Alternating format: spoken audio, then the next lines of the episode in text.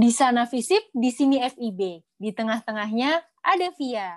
Si Karin bingung? Lah, pendengarnya makin bingung. Yang penting kita mulai tentang negara. Selamat pagi, selamat siang, selamat malam untuk para pendengar tenar. Ini gue ucapin selamat ini banyak banget karena kan gue nggak tahu ya kalian denger ini pagi, siang, sore atau malam gitu. Kenalin, gue Karin mantannya Jaehyun BTS yang bakal bawain podcast episode kali ini. Betul Basmi ini, ini ada informasi yang sangat menyedihkan yang membuat kalian menangis karena episode kali ini tuh adalah episode terakhir dari podcast tenar atau tentang negara gitu. Tapi teman-teman jangan bersedih, jangan menangis karena di episode kali ini kita bakal ngobrol-ngobrol santai tentang suatu hal yang bikin kalian bimbang, bikin kalian berpikir berpikir lagi atau bikin kalian nih malah sedih gitu. Tapi nggak tahu sih ntar dengerin aja gitu. Dan kali ini kita bakal kedatangan dua orang spesial banget buat Himanera 2021. Siapa lagi nih kalau bukan Kak David dan juga Kak Gina. Halo Kak David, halo Kak Gina. Halo. Halo, halo. Gimana nih Kak, dari Kak David dulu deh, gimana nih Kak kabar uh, hari ini? Apakah masih semangat nih uh, padahal kita ngisi podcast nih di tengah liburan gitu Kak? Oke, uh, selamat pagi, selamat siang, selamat sore, selamat malam semuanya. Uh, gue tetap masih semangat lah, udah pasti gitu. Nanti tanggal satu baru nggak semangat lagi. oh, Oke. Okay. gitu ya. Udah emang tanggal satu ada apa nih kak? Ya, jadi tang mulai per tanggal 1 Januari 2022 uh, gue sama Gina kan udah uh, resmi tidak menjabat lagi gitu. Jadi Waduh. akan jadi liburan yang sangat panjang nantinya kan. Kalau Kak Gina sendiri gimana nih Kak? Kan Kak Gina harus mengisi podcast di tengah liburan ini. Apakah uh, Kak Gina masih semangat atau ada Karin aku nih sedikit lemas gitu atau gimana nih Kak Gina? Semangat dong. Apa sih yang gak semangat? Oke, jadi gue ini mau langsung pengen aja sih denger cerita dari Kak David sama Kak Gina kan yang gue denger nih ya Kak David sama Kak Gina ini udah ikut organisasi itu sejak maba apalagi nih yang menarik ternyata Kak David itu tuh uh, waktu maba tuh bukan di Himanera nih teman-teman. Kita boleh denger dulu dong uh, pengalaman dari Kak David dulu nih ketika maba tuh ikut organisasi apa sih di VIA dan uh, lalu lanjut jadi organisasi apa lagi sebelum menjadi ketua dari Himanera.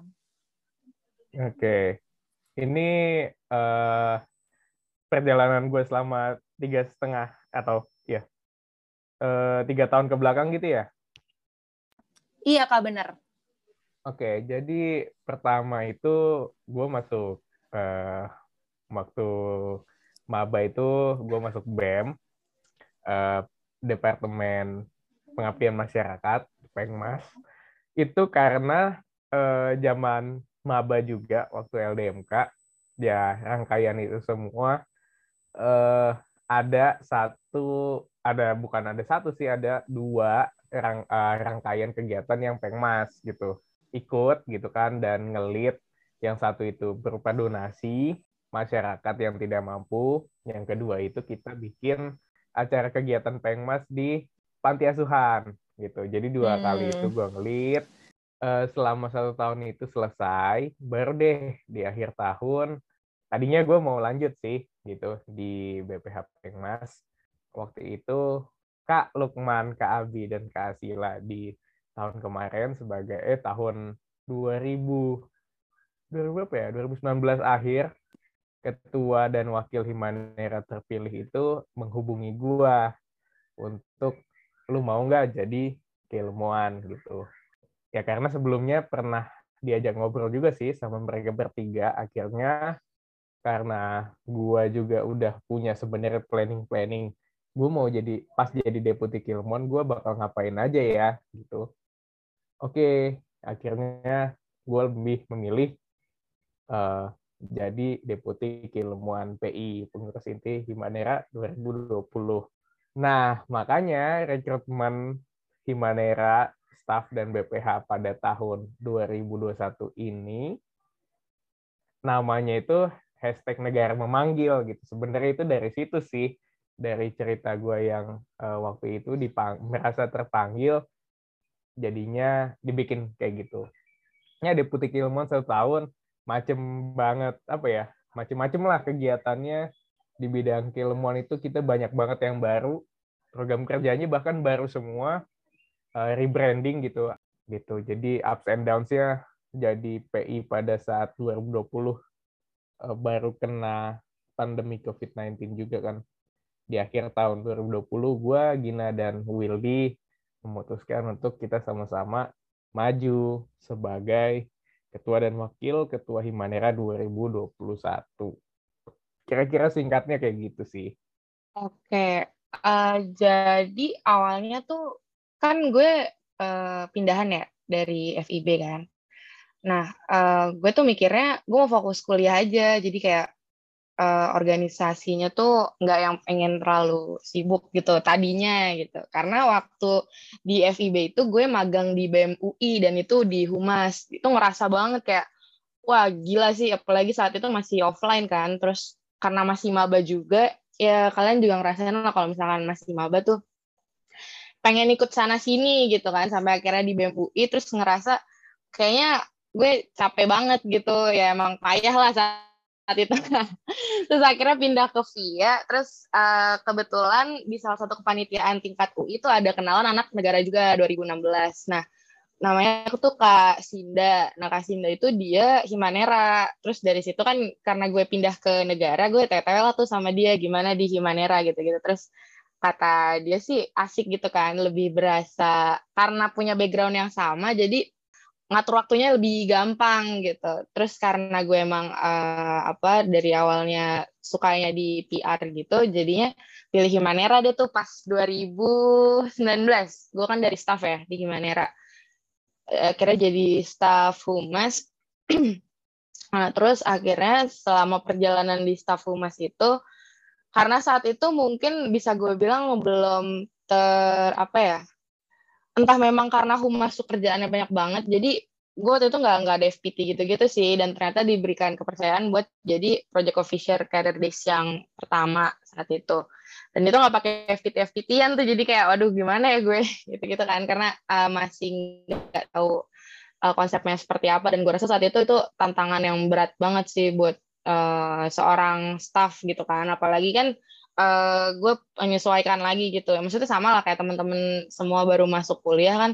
Terus tiba-tiba lo jadi uh, eh, PO gitu. Event gue udah setahun duluan di UI tapi kan lingkungannya kan beda lagi kan. Ya beda tipis sih. Cuman saat itu uh, ngerasa kayak ya udahlah emang emang udah tupoksinya kali ya jadi staff gitu kan. Terus akhirnya di akhir kepengurusan jadi staff itu gue sebenarnya nggak uh, pengen lanjut Himanera karena gue mikirnya kan kayak kayak teman-teman yang lain lebih bisa gitu buat lanjut daripada gue.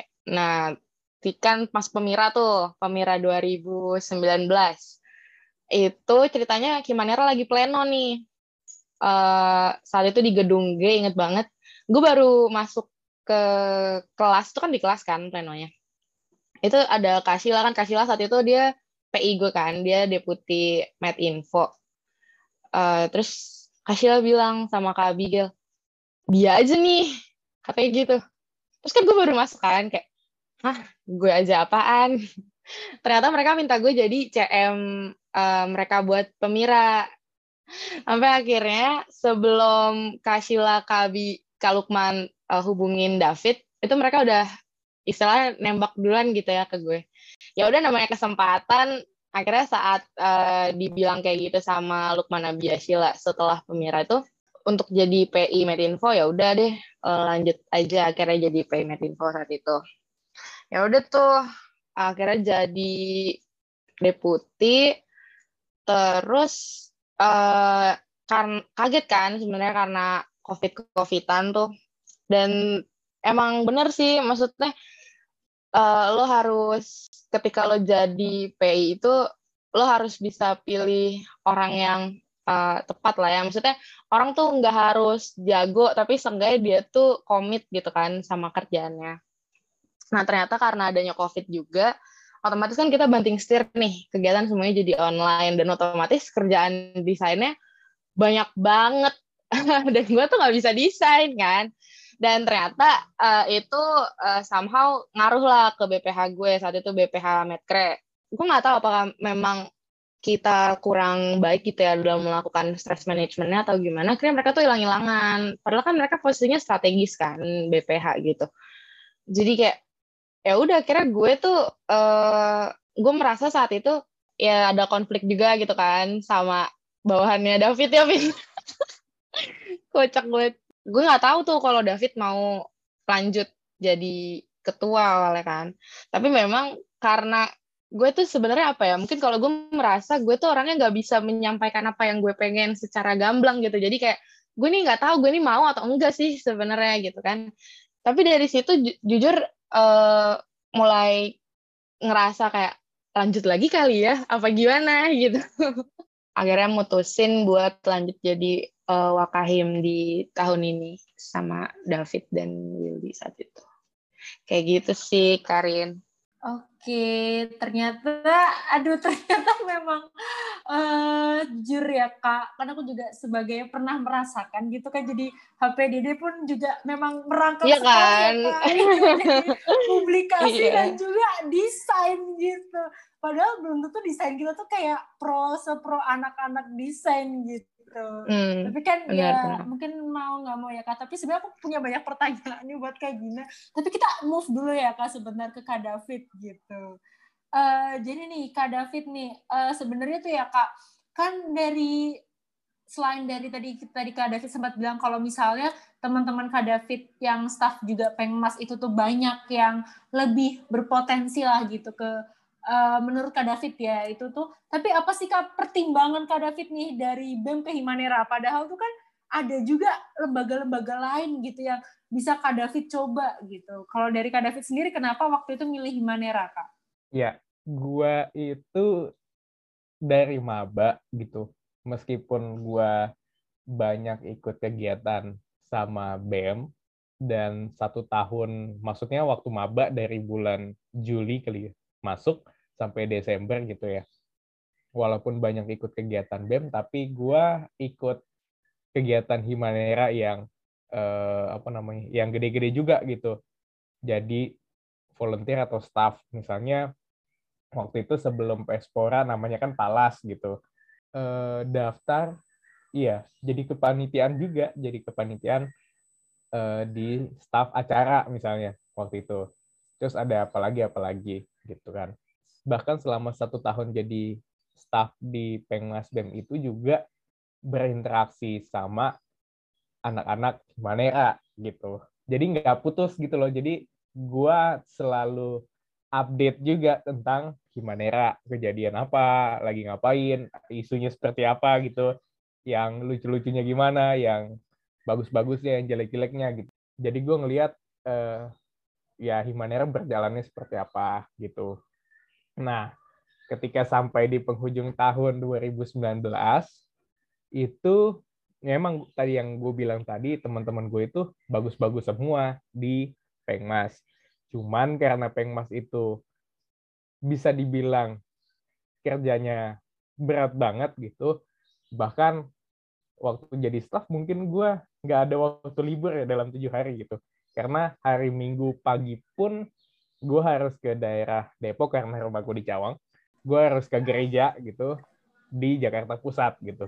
Dari jadi gue dari Jakarta Timur ke Depok ke Jakarta Pusat. Jadi rangkaian itu dalam satu minggu kayak nggak ada habis-habisnya. Bahkan itu hari Minggu loh gitu. Gue melihat bahwa Pengmas kayaknya lebih bagus di tangan teman-teman ini.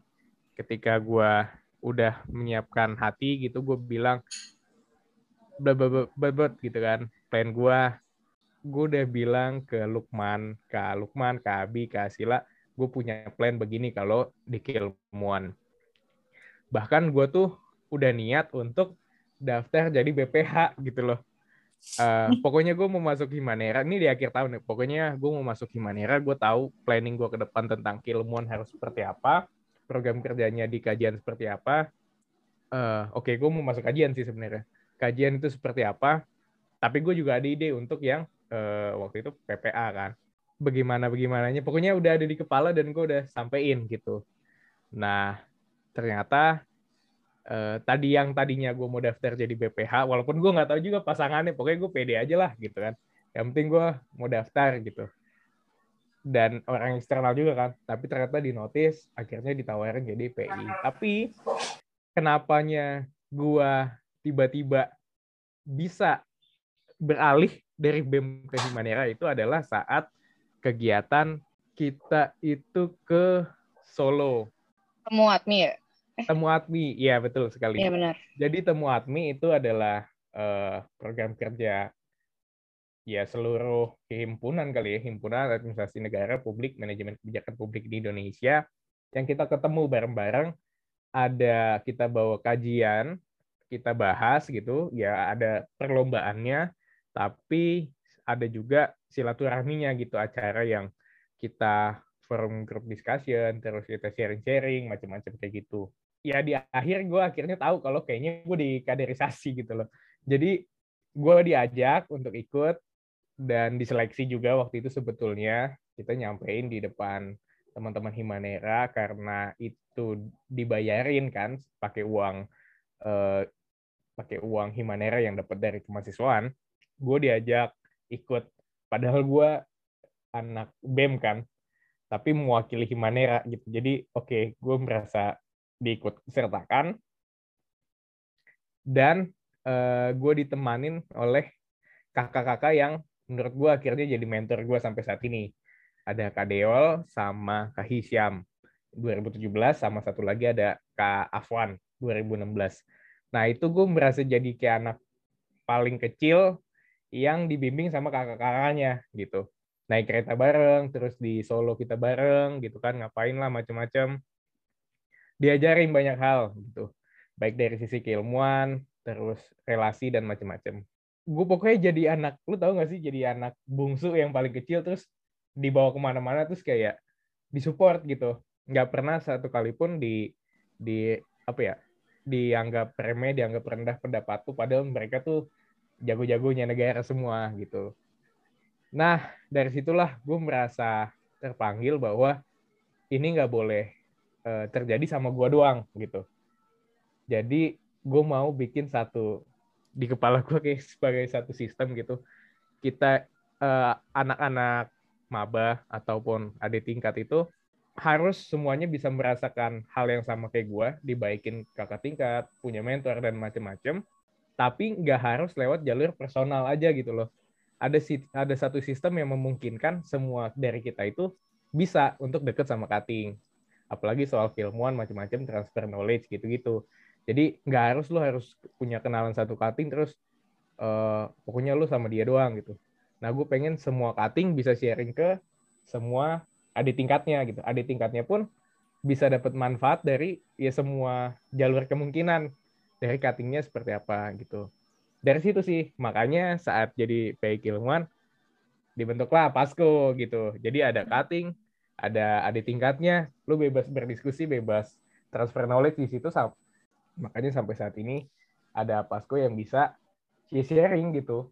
Dan misalnya sampai sekarang pun Kadiol masih uh, sharing ke banyak anak negara, Kak masih banyak sharing sama anak negara, banyak gitu juga. Dan gue pun mau sama kayak mereka gitu.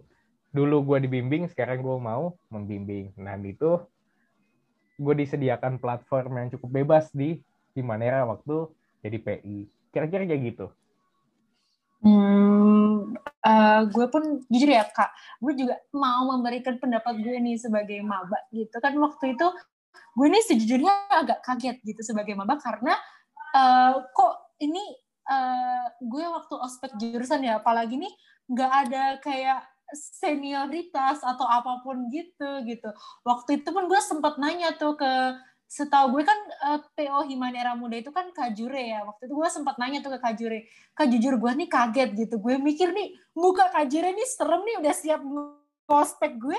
Ternyata Kajure ini baik banget dan juga cutting-cutting pun walaupun uh, kadang gue telat kadang gue lupa untuk tugas-tugas tuh gue tuh nggak pernah dimarahin. Malah gue tuh kayak diajak untuk ngerjain bareng kayak dirangkul gitu. Jadi mungkin uh, itu juga yang ngebikin ini ya kayak kayak uh, kalau misalnya maba itu tuh bukan untuk digalakin nih tapi harus diajak kerja bareng gitu mungkin ya kayak Tapi ini mendapat boleh badge sih sebagai maba. Oh untuk boleh dong, boleh. Kak Gina nih juga kalau mau masuk juga nggak apa-apa nih. ini karena gue tergelitik tentang senioritas gitu. Dan menurut gue kenapa tahun mulai tahun mungkin mulai tahun saat mabanya 2019 itu makin eh, kurang senioritasnya adalah ya mungkin dalam eh, rapat-rapat PI dan sebagainya itu juga diomongin kita sharing feeling gitu loh. Anak 2018 waktu ikut ospek jurusan itu gimana gitu. Jujur gue dapat satu eh dibilang momen iya sih momen yang nggak enak sebetulnya waktu gue Hmm. jadi maba waktu itu ya memang kakak-kakak 2016 ya yang mungkin udah kerja sekarang halo jadi gue pernah dapat eh, momen yang nggak enak gitu ketika lu dipanggil sama anak-anak Himanera tentunya. Karena ya kronologinya adalah kita diajak untuk acara penyambutan maba. Waktu itu gue jadi ketua angkatan eh ketua angkatan dan koordinator angkatan sebetulnya. Di pak gue dihubungin mungkin malamnya gitu kalau besok sore nanti ada penyambutan buat maba ya negara. Nanti kita kumpul sama-sama gitu. Yang pertama itu kegiatannya eh baru diinfoin tuh udah malam gitu. Yang kedua diadakannya itu besoknya itu sore. Sementara kita cuman ada satu kelas gue lupa dan itu selesainya pagi ke siang gitu udah selesai. Jadi kita harus menunggu kira-kira mungkin lima jam 6 jam untuk datang ke acara itu yang menurut gue kurang publikasi dan kurang persiapan. Hmm. jadilah di sore itu nggak ada yang datang. Tapi gue doang akhirnya gue bilang bahwa ya situasinya nggak memungkinkan dan lalala gitu. Gue agak sedikit di forum kecil waktu itu sama banyak banyak itu anak Himanera semua pengurusan yang waktu itu. Ya biasalah diomongin ah lu gini gini lu gini gini oh lu koordinator angkatan ya? Ya pantes lah gitu. Lu kayak cuman disuruh jadi dalam tanda kutip kulinya doang gitu loh. Jadi korbannya doang dari ya angkatan lo gitu. Jadi gue merasa di situ kok gini banget ya gitu loh dan ya sebenarnya itu yang memutuskan gue nggak masuk Himanera juga tahun berikutnya gitu Hmm. ya, Aduh, sayang. gitu. kok, tapi kok ya merasa gue jadi merasa dikecilin gitu kan padahal gue baru masuk tapi gue udah merasa dikecilin nah itulah pada tahun berikutnya makanya gue nggak masuk Himanera gitu tapi pada tahun ya dua tahun setelahnya dengan kating-kating ternyata yang berbeda di 2017 yang eh, bisa ngubah pola pikir gue dari yang eh, maba itu akhirnya oke harus ada sesuatu perubahan. Dan mungkin berarti terbukti di eh, maba 2019 yang nggak ada sama sekali dalam tanda kutip mengecilkan karakter seseorang di situ. Kayak gitu. Oke, eh, aku mau nanya sih ke Kak Gina sama Kak David deh. Kira-kira eh, kan Kak, apalagi Kak David nih yang udah pernah eh, di BEM dan juga Kak David nih ternyata juga update nih soal lembaga lain dan mungkin Kak Gina nih juga mungkin karena dari fakultas lain pun juga pastinya pernah lah bersinggungan dengan organisasi-organisasi lain gitu. Aku pengen nanya sih, apa yang ngebuat Himanera itu beda sama lembaga yang lain? Mungkin bisa dimulai dari Kak Gina dulu. Udah namanya aja beda. ya, benar banget ya. Ada Himania, Kostaf itu beda banget dari huruf Benar. Tapi mungkin dari budayanya atau orang-orangnya gitu yang mungkin Kak Gina tuh bisa rasakan sendiri tuh kira-kira apa sih Kak? Gue ngerasa eh, kita udah udah bisa berbaur gitu dan menurut gue itu jadi sebuah budaya yang eh, membedakan Himanera sama yang lain sih. Hmm, Gitu. Oke, kalau kalau dari Kak David nih tadi kayak pengen eh, menyinggung Iya, iya, sesuatu iya. nih Kak. Ya, tadi karena Gina udah menyebutkan eksklusivitas, jadi gue merasa eh, itu kata yang tepat selain untuk mendampingi senioritas. Kenapa waktu itu gue nggak masuk eh, Himanera pada awalnya gitu. Jadi eh, ibarat kata gue menunggu untuk orang-orang wus-wus gitu baru deh gue bisa eh, ketemu ada yang Benar, lain benar. gitu. ada yang ternyata ada cutting yang lebih eh, bikin gua mungkin itu pada saat itu gua doang ya yang punya pengalaman buruk tapi Hmm. eh, bukan gue nggak tahu gue doang apa enggak tapi untuk gue personal itu mempengaruhi banget gitu jadinya uh, itu mempengaruhi juga akhirnya keputusan gue untuk uh, memilih organisasi BEM pada saat itu kan nah dan terkait dengan eksklusivitas ini ya ya ternyata kalau hmm, kita kondisi saat ini bisa gue bilang jauh lebih baik lah dibandingkan yang sebelum-sebelumnya gitu jadi di sini uh, anak-anak lebih bebas berekspresi, lebih bebas bergaul lintas angkatan, uh, lintas uh, peer group gitu. Jadi lebih nyaman sebetulnya gitu. Kalau misalkan uh, ya buat teman-teman di Manera 2021 ataupun nanti soon 2022 kalau misalnya ada sesuatu yang kurang daripada saat dengan apa ya terkait dengan kondisi kita saat ini percayalah ini sudah jauh lebih baik dari sebelumnya gitu makanya kan kalau Karin notice uh, selama tahun ini gue sering banget bilang dan selalu gue ulang-ulang apa yang baik diterusin yang jelek-jelek udah dibuang gak usah diingat selalu gue bilang kayak gitu karena dengan pengalaman sebelum-sebelumnya dan tapi uniknya tentang Himanera ini adalah yang seperti tadi Gina udah bilang dan Karen juga udah notice kita ini beda banget gitu.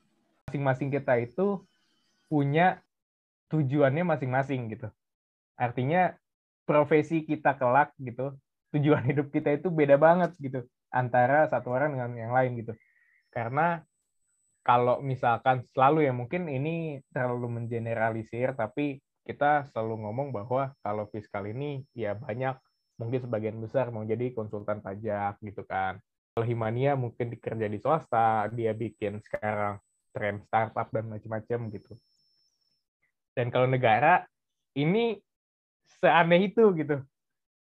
Uh, lu mau jadi apa yang nggak tahu juga, yang masuk sini nggak tahu juga eh, nggak uh, tahu mau jadi apa dan nggak tahu mau belajar apa juga banyak gitu. Jadi uh, ada yang mau jadi PNS iya, bahkan ada yang tadinya mau masuk uh, mau dia sukanya berniaga, berbisnis, tapi jadinya masuk negara ada gitu.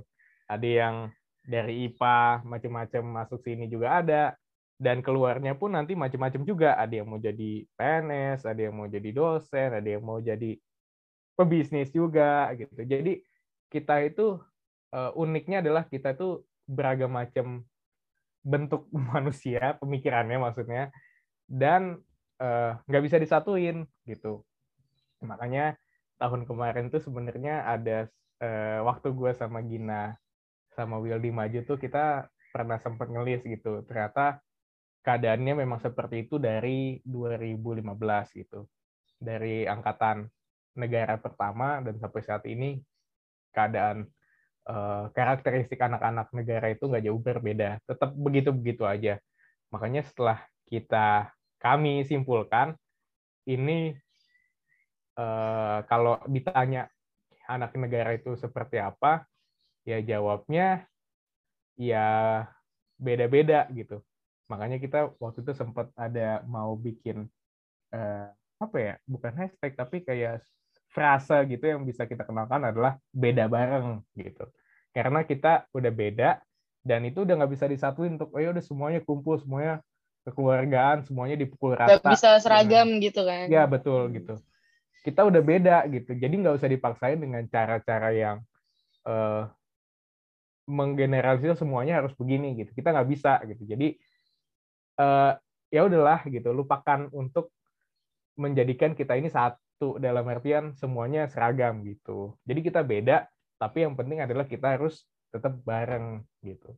Jadi kalau masuk negara ada yang tadi ada yang keilmuan uh, lebih kaku misalnya gue tuh lebih kaku sebenarnya dibandingkan Gina kan tapi gue merasa diterima gitu gue juga anak Imanera kita nggak ada bercirikan satu tapi yang kita mendeklarasikan bahwa kita beda tapi kita tetap bareng gitu Hmm, oke. Okay. Uh, eh, kan tadi kan Kak Gina sama Kak David itu juga setuju ya bahwa memang anak negara ini memang beda-beda dan sulit untuk uh, dan memang nggak bisa untuk disamakan. Tapi kan terkadang hal itu tuh jadi uh, apa ya kak? Jadi masalah juga kak. Apalagi kita nih ada proker bareng yang di mana kita harus satu pemikiran gitu. Nah, waktu Kak David atau Kak Gina menjadi Kahim Wakahim ini sempat mengalami masalah nggak sih Kak dari perbedaan-perbedaan kayak gitu tuh? Mungkin boleh dari Kak Gina dulu deh. Oke, kalau perbedaan gitu sebenarnya pada awalnya kita harus paham dulu sih tujuan dari prokernya apa. Biasanya kan kita beda di uh, ininya aja kan, apa namanya? Hmm cara ngerunning atau gimana gimana ya. Tapi at the end yang penting prokernya bisa terselenggara dan bermanfaat aja sih buat target prokernya. Jadi mungkin karena nggak ketemu secara ini juga kali ya. Jadi ada hal-hal yang gue ngerasa kita komunikasinya tuh jadi nggak se sebodoh amat awal. Maksudnya kalau awalnya tuh kan kalau misalkan kita ngurus, ngurusin suatu acara yang ketemu segala macam dinamikanya tuh lebih banyak gitu loh dibanding yang kayak gini menurut gue ya jadi hmm. nggak hmm. ada konflik yang uh, sampai gimana-gimana sih karena ada berbeda pandangan atau gimana. Karena uh, gue juga nekaninnya misalkan kita lagi eval gitu ya ya udah apa yang mau dibicarakan dibicarakan aja. Dan kalau memang ternyata itu bisa jadi masukan buat yang lebih baik ya udah. Jadi kayak no hard feelings. Tapi kita juga harus pinter nyampeinnya gimana. Karena kan kalau misalkan lo kekeh sama pendapat lo sendiri juga kan kayak ya lo kerja sendiri aja nggak sih? Hmm. gitu sih. Hmm, kalau dari kak David sendiri gimana kak yang karena banyak perbedaannya menurut gue ya itu jadi uh, peluang dan tantangan sih gitu. Gue nggak merasa itu jadi satu hambatan yang justru malah bikin kita uh, kontraproduktif kan gitu. Dan misalnya untuk tahun ini pun di pengurus inti misalnya kita uh, ya terbuka aja gitu dalam rapat kalau misalkan ada yang setuju ada nggak ada yang nggak setuju tentang apa pun itu tentang uh, cara kita melakukan sesuatu gitu lah ya. Uh, sederhananya seperti itu. Jadi nggak cuma broker tapi banyak hal yang kita lakukan itu dirembukin sama-sama. PI bertiga belas. Ya kalau ada yang nggak setuju ya silakan menyampaikan pendapatnya gitu kan. Ya nggak setuju benar. silakan gitu kan. Pada akhirnya gue tuh menghindar gue tuh selalu menghindari voting gitu loh. Tapi uh, ya kita musyawarah mufakat aja udah pokoknya gitu. Sampai pihak yang nanti bersuara lebih keras tentang suatu B misalnya padahal misalnya A lebih bagus gitu lebih apa namanya lebih oke. Okay. nah yang B ini uh, berbesar hati biasanya gitu kan. Yang penting ada idenya yang terpakai. Kemudian kalau misalnya uh, apa ya jadinya dielaborasi gitu sih lebih dielaborasi karena uh, nggak ada satu ide, nggak ada satu pemikiran buat gue itu yang terlalu bodoh untuk didengarkan dan di ya didengarkan lah gitu. Jadi sebodoh apa pun ide lo, makanya gue kayak selalu mengencourage orang untuk ya udah ngomong aja dulu, ngomong aja dulu gitu. Karena kita nggak pernah tahu dari ngomongan yang ceplos-ceplos tiba-tiba ada ide kreatif kan di situ. Jadi ambil aja semuanya gitu.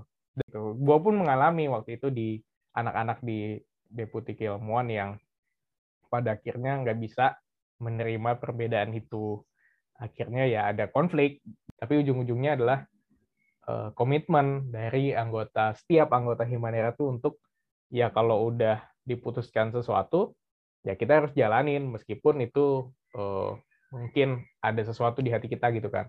Tapi balik lagi kan kepentingan organisasi harus lebih besar dibandingkan kepentingan individu. Dan gue yakin 100% nggak semua orang siap untuk itu ya memang gitu. Tapi ya itulah yang gue selalu bilang juga ya dinamika organisasi ya dinikmatin aja gitu. Karena di mana pun lo berada bahkan se di organisasi yang sehomogen mungkin gitu orangnya pasti akan ada yang seperti itu juga kasusnya. Ada perbedaan pendapat ada hal-hal yang akhirnya berkonflik gitu. Tapi yang penting adalah kepentingan organisasi Waduh ini keren banget ya dari Kak David dan juga Kak Gina nih.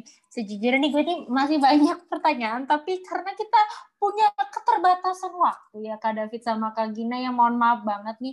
Uh, aku pengen tanya sih Kak, kira-kira ada nggak sih Kak uh, momen, sebutin aja satu aja kayak spesifik, momen yang bikin uh, ini terserah sih Kak David sama Kak Gina boleh milih antara tersenang, tersedih, atau malah yang bikin bete gitu. Satu aja, sebutin satu momen spesifik gitu. Dan mungkin dari Kak David dulu nih, boleh. Oke. Okay. Mikir. karena, karena ingetan gue pendek, gue akan pilih farewell aja lah ya. aduh. Jadi, hmm. Karena itu perasaan gue yang entah lo merasa senang karena lu ngelihat bahwa gimana ya adik-adik lu udah jadi jadi keren gitu. Tapi di satu sisi juga uh, sedih karena gue udah nggak bisa bareng-bareng lagi gitu kan. Jadi uh, itu perasaan yang campur aduk sih yang nggak bisa diungkapkan. Jadinya berbuah dengan uh, tidak terucap gitu. Di saat farewell itu pun gue jadi flashback ke yang tadi gue udah ceritain banyak hal gitu loh. Gue nginget hmm. lagi misalnya dulu itu sifatnya begini sekarang begini kayak jauh lebih baik gitu. Bukan karena kepengurusan ini jauh lebih baik tapi memang setiap tahun pasti ada perbaikan-perbaikan gitu loh. Kita akan selalu improve kan gitu.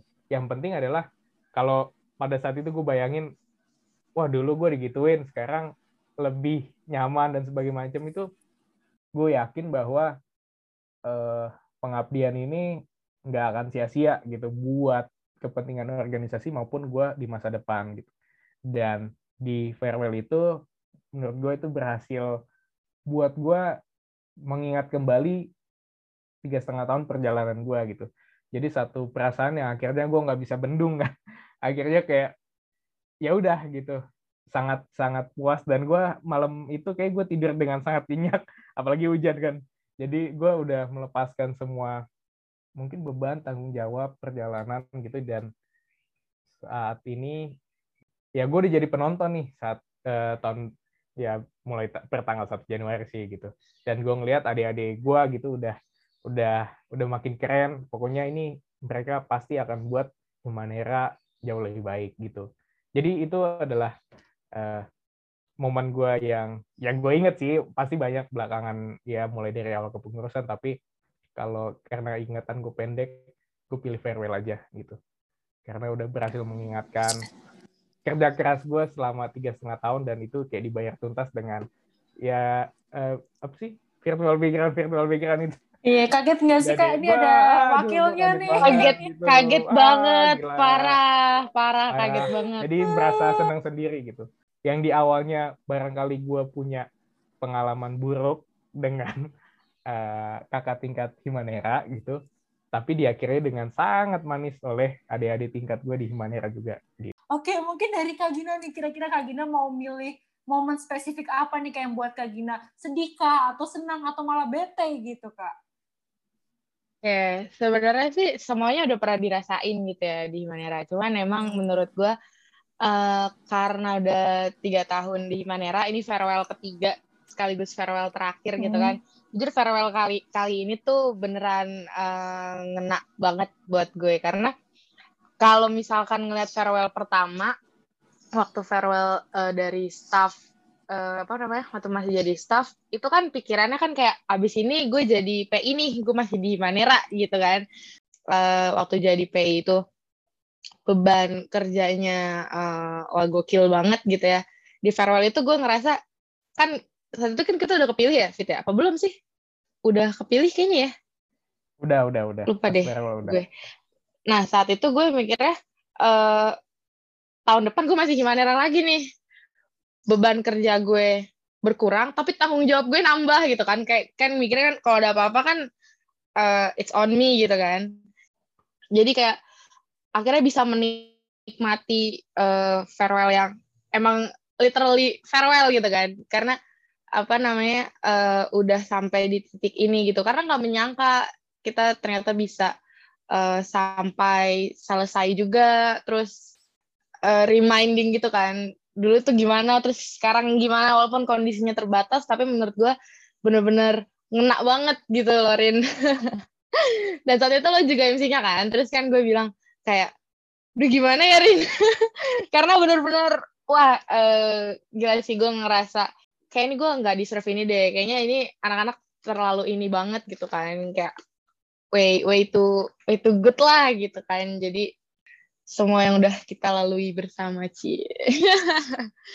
Udah gitu iya Cie banget gitu. Aduh nih kayak Kak Gina sama Kak David nih flashback lagi gitu. Mungkin abis ini bisa ya Kak dibaca lagi virtual background dari masing-masing PI BPH dan juga staff. Uh, surprise banget sih gitu. Dan gue tuh biasanya bisa bisa apa ya gue sebenarnya nggak suka menunjukkan emosi gue gitu baik marah baik sedih maupun uh, apa pun itu di depan orang banyak gitu. Jadi gue kayak cukup tertutup untuk hal-hal yang sifatnya uh, emosional gitu. Mungkin di kalangan terbatas aja. Tapi kayak uh, kemarin gue nggak bisa bendung lagi sih kalau boleh gue jujur. Kayak jadinya kayak relief gitu kayak semuanya gitu Wih, lucu banget nih kak. Tapi sama Kak Gina udah gemes banget gue. Dan ini sih kak, ini terakhir banget nih, ini bener-bener terakhirnya kita. Jadi boleh nih kak sampaikan pesan terakhir dari Kak David sama Kak Gina untuk Himanera tahun 2022 nih kak. Kira-kira gimana nih kak? Mungkin boleh nih Kak David sama Kak Gina nentuin deh siapa yang mau duluan gitu. Gue dah. Ntar okay. closingnya pasti David ada fireworknya. Oke, okay, uh, mulai dari Kak Gina dulu. Buat Himanera 2022 nanti seluruh pengurusnya di bawah uh, Jure Anggi sama Ibnu semoga bisa uh, menjadi satu apa ya satu organisasi yang bisa berjalan bersama-sama terus bisa semakin adaptif gitu ya. Karena kan kalau kita ngeliat juga sekarang kondisinya udah mulai berubah lagi nih. Karena kan sebenarnya kan faktor yang paling mempengaruhi kita itu kan lingkungan kita gitu kan. Dan sekarang dengan uh, keadaan si COVID itu yang terus berubah-ubah ya ini jadi sebuah tantangan dan peluang juga buat teman-teman Himanera 2022 nantinya. Tapi terlepas dari itu ya uh, terus perkuat apa ya uh, semangat terus juga gimana cara kita bisa uh, merangkul satu sama lain gitu kan. Karena kan nanti kalian-kalian yang mendengarkan podcast ini nih mana tahu tahun depan posisinya udah beda gitu kan. Jadi dari staff nanti jadi BPH atau jadi PI nah itu lo harus bisa merangkul orang dengan uh, lebih baik daripada pendahulu-pendahulunya supaya nantinya Himanera 2022 ini bisa apa ya ya bisa mak bisa jalannya tuh makin enak gitu kan karena dengan apa yang udah ditinggalkan kemarin bisa diambil yang baiknya untuk uh, perbaikan di ke depannya. Terus juga semoga Himanera 2022 ini bisa menjadi uh, tempat untuk semua pengurusnya untuk apa namanya uh, belajar dengan lebih gitu ya. Maksudnya kayak ada tempat untuk mencurahkan ide juga, tapi juga apa ya trial and error buat teman-teman semua lah bisa digunakan wadahnya sebaik mungkin gitu karena kesempatan itu kan nggak datang dua kali ketika nanti uh, Himanera 2022 berakhir, gue tuh maunya kita bisa menutup ini bukan dengan penyesalan gitu, tapi dengan uh, rasa syukur akan pencapaian-pencapaian yang mungkin memang nggak sempurna, tapi itu menjadi kenangan yang bagus buat teman-teman pengurus nantinya ke depannya. Terus terakhir, jangan lupain gue lah. Ya gak sih? Udah ada benar banget. Jangan lupain wah Kahim gitu. Kayak kan 2021 ini kagak bakal ada. Kalau Kak Gina ini juga nggak ada gitu. Aduh mungkin sekarang bisa lanjut nih dari Kak David gitu. Penutup nih Kak. Oke kalau dari gue sih eh, singkat aja. Gue cuma mau bilang untuk kepengurusan Du Himanera via UI 2022. Ini ada kalau misalnya Jure, Anggi dan Ibnu dengar podcast ini, dengar baik-baik.